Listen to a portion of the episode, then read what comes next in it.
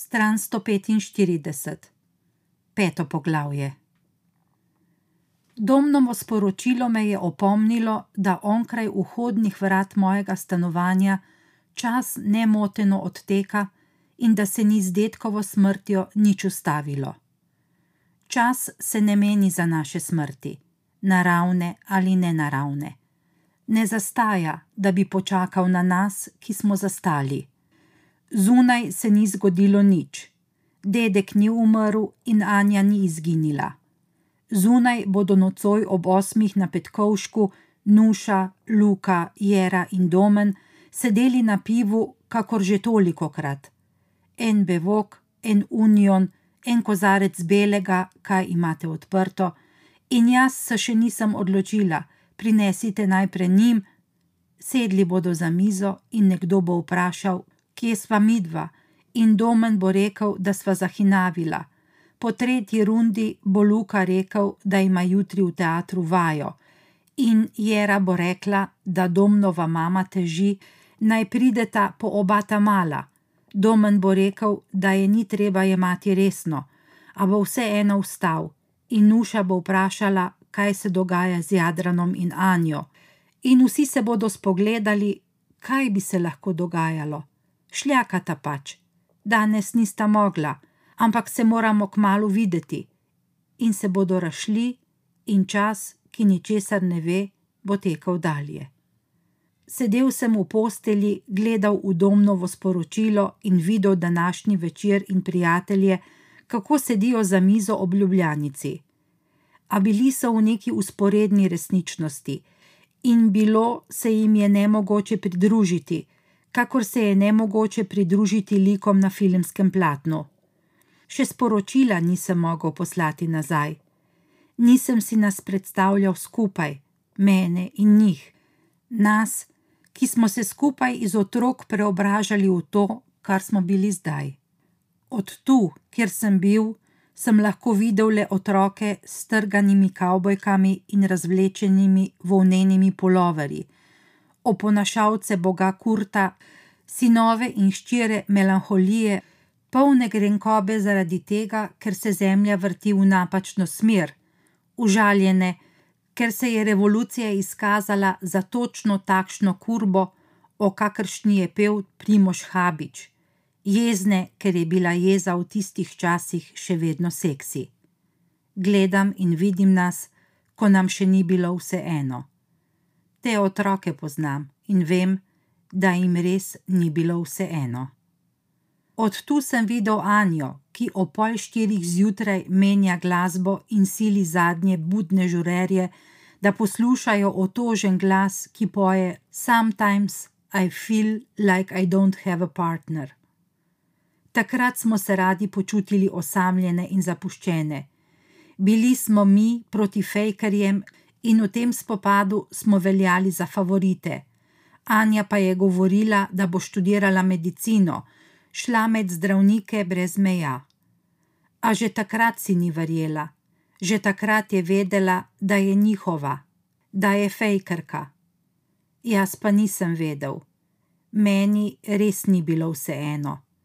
Zdaj tudi sebe vidim, kako si želim, da bi imel ime in priimek, da bi napisal knjigo, vidim se, kako proslavljam, ker so me sprejeli na novinarstvo. Bubbles Party je v Eldoradu in jaz pijan padam po tleh in se izgubljam v belih mehurčkih, z glavo med tujimi nogami, a vem, da bo že jutri drugače. Verjamem v to, ker jutri ne bom več kdorkoli, ker bom jutri imel ime in priimek. Morda smo le odrasli. Morda smo le pogooglali svoje ime in videli, da nas nihče ne vidi in ne sliši. Se utrudili od kričanja, ki sudancem ni prinesel miru in blagostanja. Morda smo idealizem zavrgli skupaj z olivno-zelenimi jaknami z nemškimi zastavicami na rokavih. Morda smo bili odnegdaj fejkari s ciničnim nasmehom nemočnih, a dostojanstvenih poražencev. Namesto o utopljenih beguncih smo se zdaj brez slabe vesti pogovarjali o vremenu, ki bi nas že moralo pustiti sedeti ob Ljubljanici na Petkovškovem nabrežju, namesto da nas še vedno stiska za mizo med kadilnico in straniščem daktarija. Morda smo le odrasli. Pred tremi meseci smo na zadnje sedeli skupaj. Domen, Jera, Luka, Nuša, Anja in jaz. Na vides še vedno isti zmedeni srednješolci, a tako drugačni. Gledal sem nas takrat in prevzel me je občutek, da smo vsi, vsak na svoj način, izdali srednješolske sebe, da smo se vsi udali pomotoma nam dodeljenim usodam. Morda je bil ta občutek izdajstva kriv, da sem začel pripovedovati o mailu s fotogalerijo Favel, ki mi ga je poslal sodelavec, o fotografijah indijskih, brazilskih, mehiških in nigerijskih papirnatih bivališč, o prizorih revščine, ki si je svojo izkušnjo življenja, kljub vsem fotografijam, ne zmoremo zares predstavljati, ker si ne zmoremo zamisliti tega niča, ker ta nič še zdaleč ni enak niču, ki ga poznamo in ki ni zares nič.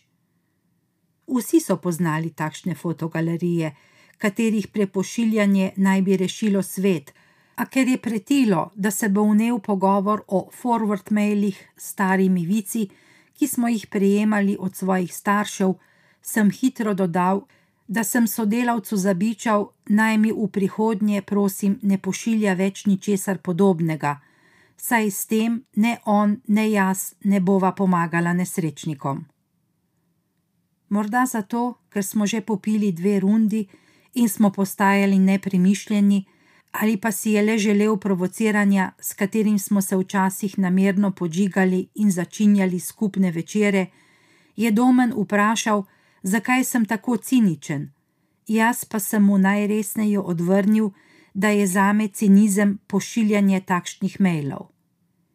Nekaj je bilo v tonu njegovega vprašanja, kar me je zbodlo, da sem rekel, da se mi zdi cinično usmiljanje in lajšanje slabe vesti s širjenjem zavedanja o problemih tretjega sveta, in naj tisti, ki se mu ti ljudje zares smilijo in ki bi res rad spremenil svet, raje da odpoved in nikoli več ne pristane na to, da je plačan tisoč evrov za delo, za katerega nekdo v Vietnamu prejema 30 dolarjev. Nisem vedel, odkot izvira moja jeza. Luka je vstal, rekel, da sem lep dokaz, kako škodljivi so forward maili za človekovo počutje, in odšel v kadilnico. Nuša je šla za njim. Za njo je bila debata zaključena, in tudi jaz sem imel občutek, da sem povedal svoje. Adomen se je odločil nadaljevati. Rekel je, da ni večjega cinizma od prepričanja, da se ne da nič narediti in da zato nima nobenega smisla niti poskušati. Meni pa se je zdelo huje imeti se za dobrodelneža in se dobro počutiti, čeprav vsi vemo, da od to vrstne dobrodelnosti nihče nima prav nobene otipljive koristi. Čutil sem jerino zavijanje z očmi. S pogledom sem poiskal Anjo, željan njene podpore v tem nesmislu, a je bila obrnjena stran, kakor da je najn pogovor ne bi zanimal.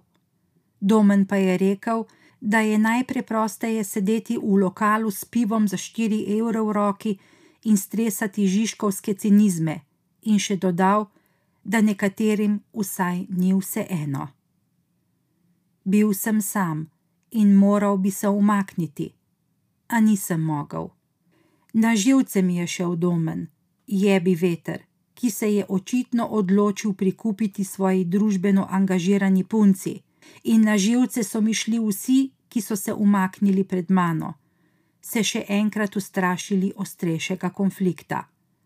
Spil sem pivo do konca in rekel, da reveži v favelah nimajo prav nič od tega, da njemu ali jeri ali komorkoli od nas ni vse eno, in da ne vidijo med nami prav nobene razlike, da se jim zdimo vsi mi enako pizdunski in enako bogati in enako nesolidarni, da smo v njihovih očeh vsi mi tisti en procent, zaradi katerega oni tako trpijo.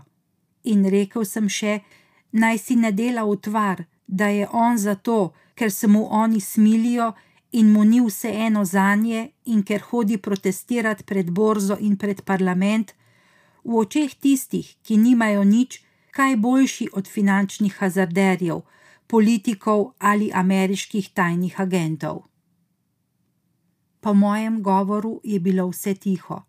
Vsi so čakali, da se izrečeno razkadi, oziral sem se za natakarico. Domen je hotel na stranišče, Anja je nekaj rekla Jeri, iskali sta novo temo, Luka in Nuša sta se vrnila, in Nuša je rekla, da me je gledala skozi okno kadilnice in da sem bil videti kot takrat, ko smo se dajali okoli tega, ali bi morali ukiniti Eurovizijo. Anja in Luka sta se zasmejala, Luka je rekel, da moramo letos spet skupaj gledati Eurovizijo. Vsega bi lahko bilo konec. Jaz pa nisem hotel, da se tu konča, in sem rekel, da sploh ni res, da je meni vse eno.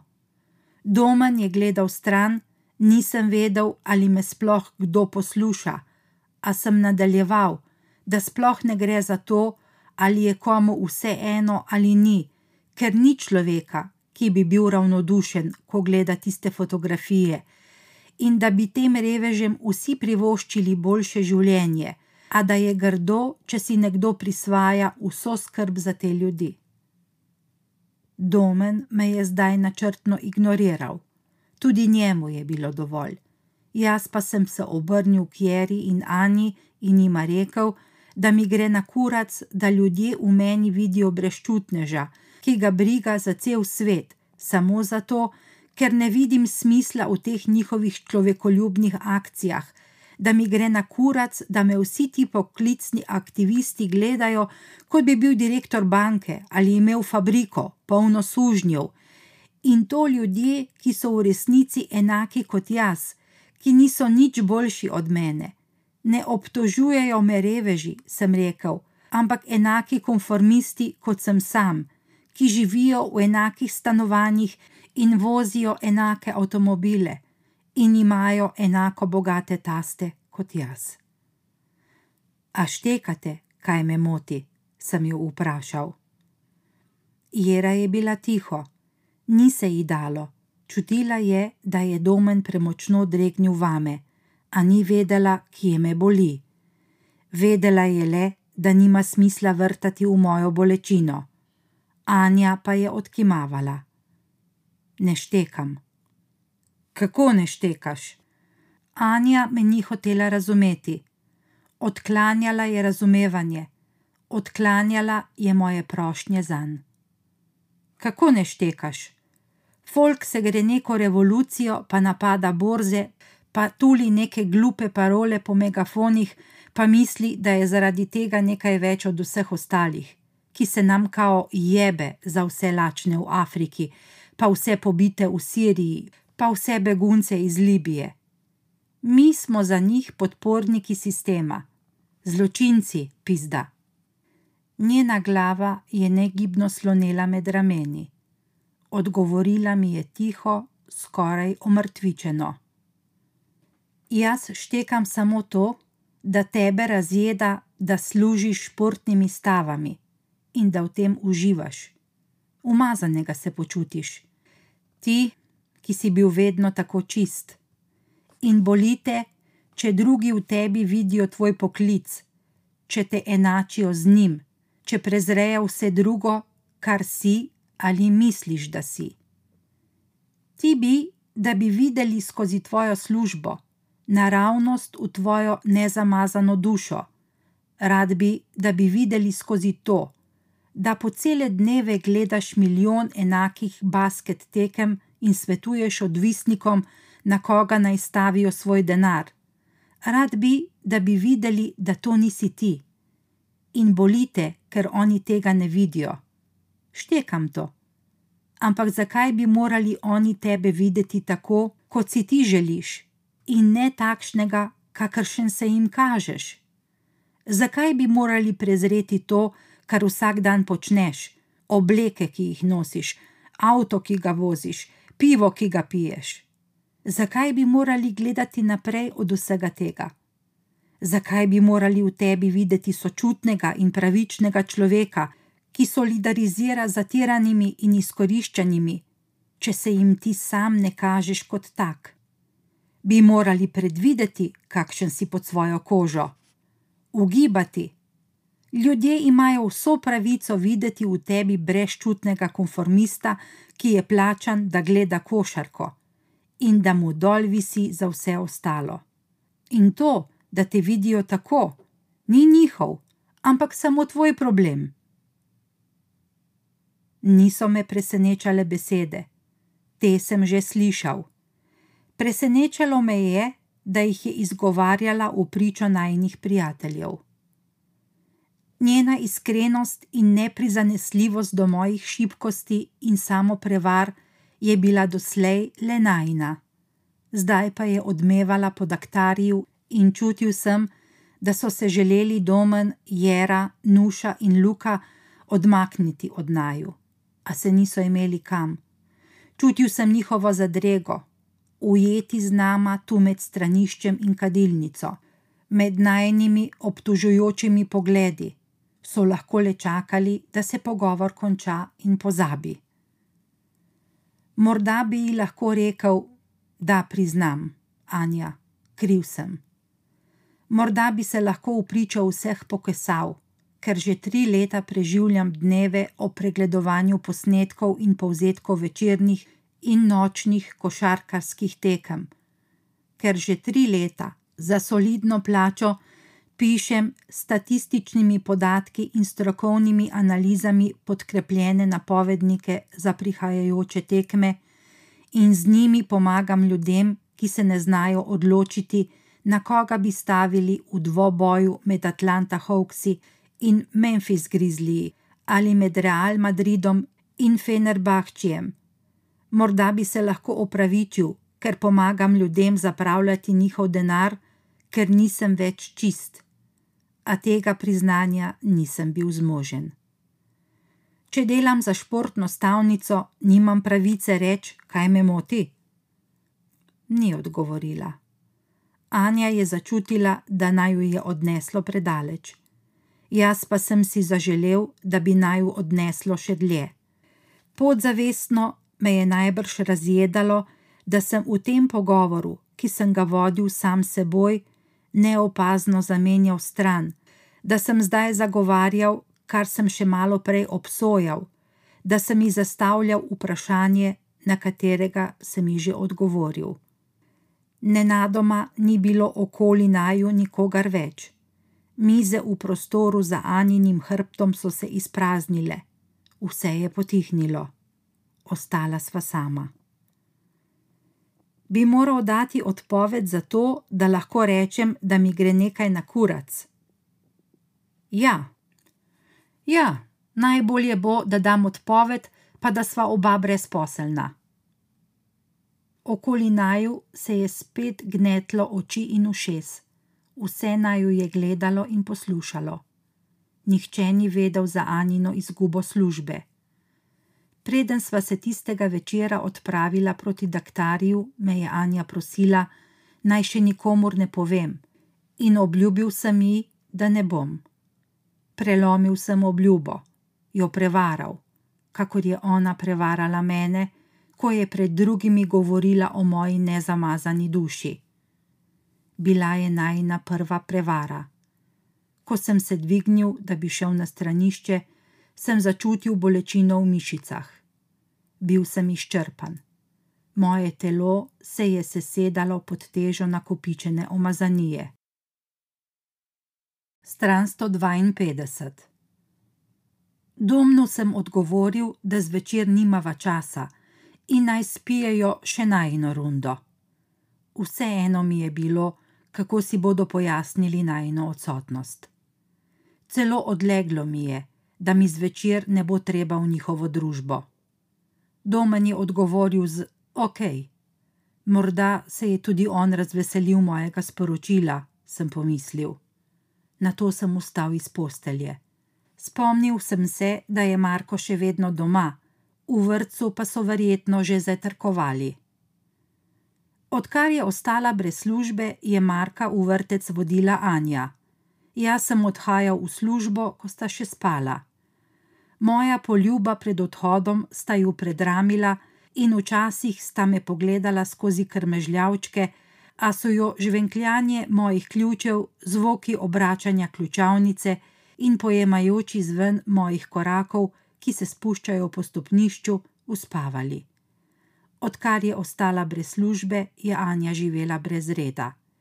Njeno brezdelje je določilo nova pravila in postalo ji je vse eno, ali Marko zajtrkuje v vrtu, ali pa se na poti tja ustavita v novi nemški pekarni na Vogalu in si privoščita roglička s čokolado.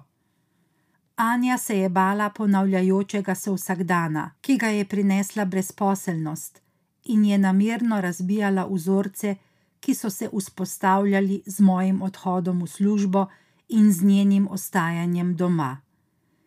Neurejenost je bila njen zasilni izhod iz preobilice nezapolnjenega časa, in nemogoče je bilo vnaprej predvideti njene dneve. Že skoraj objestno se je vdajala na ključjem, se prepuščala najdrobnejšim željam, začenši z dodatno uro jutranjega dremeža. Ob večerjih, ko so naju iz različnih svetov prignali za skupno mizo, se ji pogosto ni ljubilo odgovarjati na moje vselej enako vprašanje, kaj je počela čez dan. Rekla je: Nič posebnega ali vse živo. In pogovor je zamrl. Le redko mi je svoje dneve podrobneje opisovala.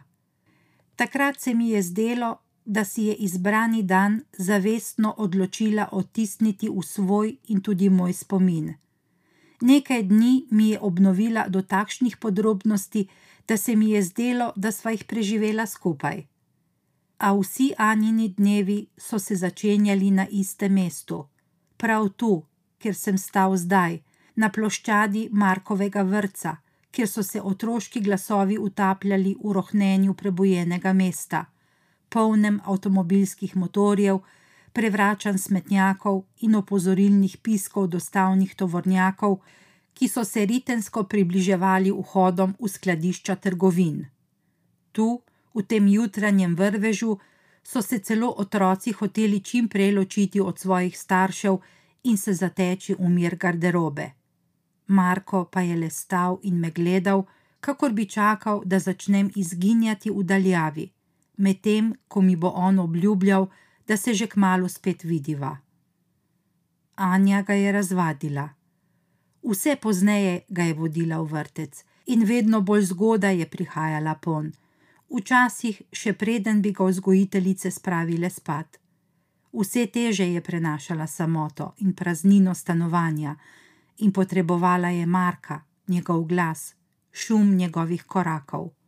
Marko je zato morda čakal mojo obljubo, da bom tudi jaz prišel pon takoj po kosilu.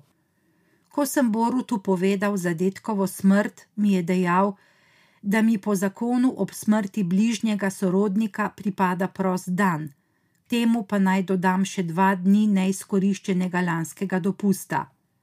Spomnil sem ga, da mi je ta junija zapadel, on pa je rekel, da ga to ne zanima in da se vidiva v ponedeljek. Tako sem ostal sam s časom, s katerim nisem vedel, kaj početi. Čas hitro menja svojo narav.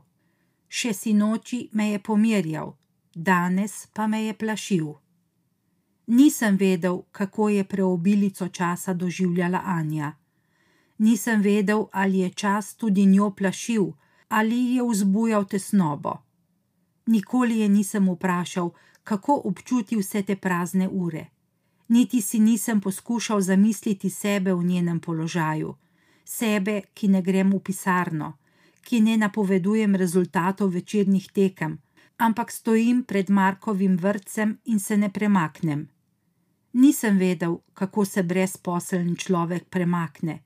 Nisem vedel, ali hodi hitro ali pa vmes zastaja in ali se ozira okoli sebe, ali ve, kam je namenjen, ali si sploh želi biti kamorkoli namenjen.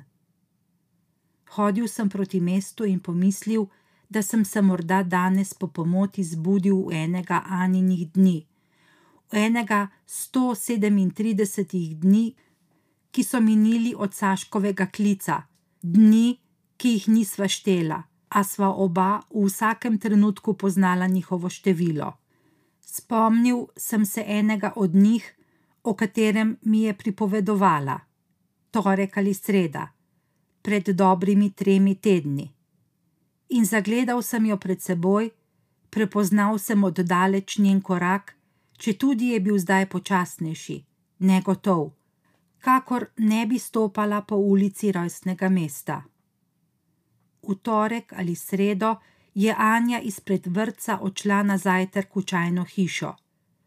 Strubarjeve je zavila v eno oskih uličic, ki se spuščajo na Petkovškovo nabrežje, in potem hodila ob reki proti Preširnovemu trgu in naprej čez Tromostovje mimo robovega vodnjaka proti Stari Ljubljani. Hodila je po neštetokrat prehojeni poti, a si je tisti torek ali sredo zamišljala, da je prvikrat v mestu. Bila je belgijska literarna zgodovinarka, ki blodi za izginulim duhom Srednje Evrope, udeleženka seminarja o japonski mitologiji ali morda francoska študentka arheologije iz Dižona, ki jo zanimajo najnovejše izkopanine iz časov Emone. Kdorkoli je bila, ta torek ali sredo, je Anja gledala Ljubljano, kakor bi jo videla prvič, in ni razumela napisov na oglasnih tablah ali besed ljudi v lokalih, mimo katerih je hodila. Pri mesarskem mostu se je med mizami prebila do brega Ljubljanice in od tam naredila nekaj fotografij s svojim telefonom. Ljubljanski grad nad Kresijo, mesarski most s plečnikovimi arkadami. Na to je strmela v zeleno vodo pod seboj, kakor v drugih mestih ljudje strmijo v seno ali donavo. Morda je čutila poglede ljudi za svojim hrbtom in neslišna spraševanja o razlogih njenega početja, a se ni ozirala na nje. Tu, v tujem mestu, ni poznala nikogar in njen pogled se je dvigoval nad breze in potoval do zgornjih nadstropij ljubljanskih hiš. Morda je iskala v njih zabrisano podobo davnih, njej bližnjih časov, a Ljubljana je bila mesto, ki ni preživelo svoje zgodovine. Ljudje v njem so se radi pozabljali, in mesto se je bilo primorano vedno znova rojevati, postajati neprepoznavno in do zadnje opeke prekrito sedanjostjo. Razočarana je spustila pogled sijočih prenovljenih pročeli in se zazrla v mimoidoče na glavnem trgu. Ob njihovih vrnjenih pogledih je razmišljala, kaj odsotnost nasmehov govori o mestu in njegovih ljudeh. Morda nasmehi v Ljubljani niso za ston, je pomislila in se spraševala o njihovi ceni. Če bi v torek ali sredo govorila njihov jezik, bi zagotovo ustavila mrko starejšo gospo z nakupovalnim vozičkom in jo vprašala, po čem so njeni nasmeški. Morda se je za Anino igro skrivalo le krepenenje po nepredvidljivosti, potreba po umiku iz vsakdanjosti. Morda si je le želela, da bi lahko hodila po mestu, ne da bi se spotikala ob svoje lastne sledi. In bila je nepremišljena in je odšla v čajno hišo, kjer so jo natakari poznali po imenu in so ji postregli, ne da bi jo vprašali, kaj si želi. Morda pa si je želela, da jo pokličejo nazaj, da tlesknejo s prsti in jo prebudijo, morda se je naveličala biti tujec. Si sam? me je začuden vprašal Aleš, ko sem se usedel za eno od mis na ulici. Uživam, sem mu odgovoril in pomislil, da se mu je zdelo nenavadno tudi, ko je tisti torek ali sredo videl Anjo in da se je tudi ona najbrž pretvarjala, da je povsem običajen dan. mu dan, special green, pa lepinjo brez šunke. Pokimal sem mu in Aleš je pokimal nazaj. Za sosednjo mizo sta ga čakali prikupni turistki. Neko poletje so imeli na notranjem dvorišču vrt, ki je bil vse naokrog obdan z visokimi, okrušenimi in razpokanimi fasadami. Za njo sva se takrat zaljubila v ta rustikalni prostor, v katerem je bilo, vsaj nama se je tako zdelo, nekaj bližnje vzhodnega, in sva odhajala tja skoraj vsak večer, pila čaj ob svetlobi sveč in upijala vzdušje starih, porumenelih fotografij. Na tistem dvorišču, ki je plesalo le eno poletje, sva, zdaj to vem, bežala od mesta. Tam sva se počutila, kakor bi bila nekje daleč, kjer vetrovi neusmiljeno luščijo barve hiš in razkrivajo njihova leta, nekje, kjer imava le drug drugega. Doma nikoli nisi sam, midva pa sva bila tako rada sama, odmaknjena od njene in moje zgodbe, od mirovega in safetovega objema. Daleč od doma so se najne misli in želje uigrale, prepadi med nama so se z oddaljenostjo od doma zoževali, dokler niso povsem izginili in sva postala eno. Doma pa je bila ona spet Anja Črnjak in jaz sem bil Jadran Dizdar. In vse večkrat sva, kakor zdaj, sedela za isto mizo, vsak v svojem času. Za njo sva se prenehala spoznavati, sem pomislil. Nikoli nisem spoznal Anje, ki gre v torek ali sredo sama na zajtrk v čajno hišo. Ne bi znal uganiti, kaj je tistega dne naročila. Nisem spoznal brezposelne Anje in tudi ona ni spoznala Jadrana, ki ji je kot uročen sledil po njenem dnevu. Današnji časi, se mi zdi, nas spreminjajo hitreje, kot se nam uspeva spoznavati. Le majhna nepozornost, le hipna odsotnost in že se znajdeš ob neznancu. Njegove besede ti postanejo nerazumljive, njegove misli neslišne, njegovi pogledi nerazpoznavni. In že ne zmoreš uslišati njegovih želja, ne zadovoljiti njegovih potreb. In potem se užaljen umika stran, ti pa ne veš, kako se ga prikliče nazaj. Iz čajne hiše je Anja v torek ali sredo odšla v novi muzej moderne umetnosti na Metelkovi. Tam je dolgo stala pred televizorjem, na katerem se je vrtel enourni kader ceste, posnet skozi okno vozečega avtomobila. Ravna cesta v ameriški preriji, ura nespremenjenega pogleda, ura neprekinjene vožnje. Gledala je video in si zaželela, da bi ga razumela. Hotela je biti ena tistih, ki razumejo. Približala se je zaslonu, da bi si ga odbliže natančno ogledala. V nespremenljivi podobi je iskala sled, ki bi ji razkrila njen pomen.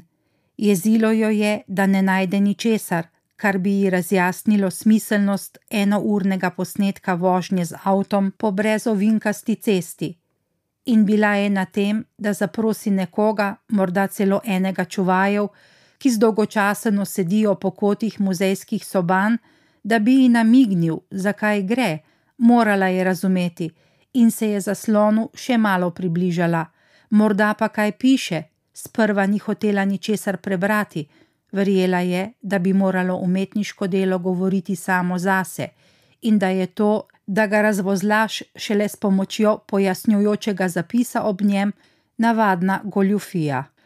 A pod zaslonom je bil le seznam 50 skladb, seznam pesmi Michaela Jacksona, Madone, Depeche Mode, neznanih pevcev z arabskimi in judovskimi imeni. Izmenično je gledala v seznam in v video, in še vedno ni razumela, a zdaj je res morala razumeti. Njena radovednost je bila prevelika in tako je prebrala zapis o izraelskem umetniku, morda je bil palestinec, ki je 50 svojih prijateljev in sorodnikov vprašal, katero pesem bi poslušali, če bi se lahko eno uro peljali z avtom, ne da bi jih ustavila policijska kontrola. Potem je odšel v Teksas, najel avto, se peljal z njim eno uro in poslušal njihove glasbene želje. To je bil posnetek, le Anja prej ni opazila slušalk, ki so visele ob zaslonu, in ni poslušala glasbe, ki je spremljala sliko pogleda skozi avtomobilsko šipo, pogleda na cesto brez zapor, brez policistov. Prvič v življenju jo je navdušila konceptualna umetnost, prvič jo je razumela. Stvari, ki so za nas samoumevne, so za druge nepredstavljive in nedosegljive, mi je rekla zvečer, v torek ali sredo. Nekaj tako banalnega, kot je za nas ura neprekinjene vožnje z avtom, so za ljudi v Palestini neizpolnjene sanje. Bila je navdušena in ni vedela, ali le zaradi dela samega, ali tudi zaradi tega, ker ga je bila sposobna razumeti. A bilo ji je vseeno. Najpomembnejše je bilo, da ta dan, ta torek ali sreda, ni pretekel za manj. Anja je rada hodila po muzejih.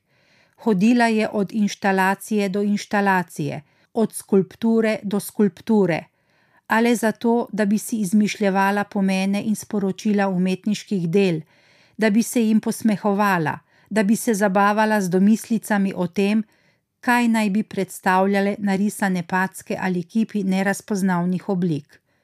Dovolila si je biti neumna in nesramna, in rada se je postavila pred razstavljeno delo priznanega libanonskega vizualnega umetnika in mi še petala, da delo izkazuje postmodernistični zadržek do klasičnih geometrijskih oblik in s postavitvijo introvertirane narave umetniškega objekta v središče gledalčevega zanimanja, nakazuje možnost drugih smeri in oblik, kar pomeni nadaljevanje njegovega obsesivnega ukvarjanja s lutnjami, ki jo je začrtal že s svojimi prejšnjimi deli. Potem se je malce odmaknila in rekla, kar na glas, saj je ni nihče razumel, da je videti obliko ženskega nožnega prsta v menstrualnem krču, se spet premaknila in rekla, da prepoznava dvodimenzionalno podobo prebavnega trakta smrekovega lubadarja. Potem sva se hihitala in ljudje okoli naju so se obračali, in največkrat sva morala zapustiti muzej, da naju ne bi vrgli ven, ker je Anino hihitanje ušlo nadzoru. Rada je hodila v muzeje moderne umetnosti. V vsakem mestu, kjer sva naletela na nje, sva jih obiskovala: na Dunaju, v Bilbao, v Lodžu, v Zagrebu ali v Singapurju povsod sva skupaj razvozlavala skrivnosti. Bila je to najna mala pregreha, a sva ustrajala v njej, tudi potem, ko sva se sama sebi že zdavnaj zazdela nedopustno otročja, ker je bila pregreha tako zelo najna, ker se nama je zdelo, da sva midva prav tisti hihitajoči se par, brezsramna vzhodnoevropska turista, neuzgojena in neolikana, da sva prav to midva in da bi se, če bi se zresnila in si tako kot drugi v tišini ogledovala razstavljene eksponate, izgubila. Tako sva verjela in se hihitala naprej, če tudi ni bilo več smešno. Hodil sem po muzeju moderne umetnosti in iskal video z enourno vožnjo po ravni cesti, a ga ni bilo več, kakor tudi Anje ni bilo več nikjer ni bilo slišati njenega hihitanja. Hodil sem za njo, a je nikakor nisem mogel dohiteti. Kmalu bo moral pomarka v vrtec, jutri zjutraj moram v Zagreb, v krematori, nje pa še vedno ni. Gledal sem visokega suhljatega plešca, ki je sedel na stolu v kotu, in pomislil sem, da bi ga vprašal, ali se spomni luštnega rjavolasega dekleta, ki zre v izraelsko inštalacijo, in ali mi lahko pomaga ugotoviti, kdo je bila. A visoki suhljati plešec je gledal v stran, zatopljen je bil v svoje misli, morda je v glavi sestavljal pridigo svojemu otroku, ki je padel na popravnem izpitu, ali pa je pisal pesem.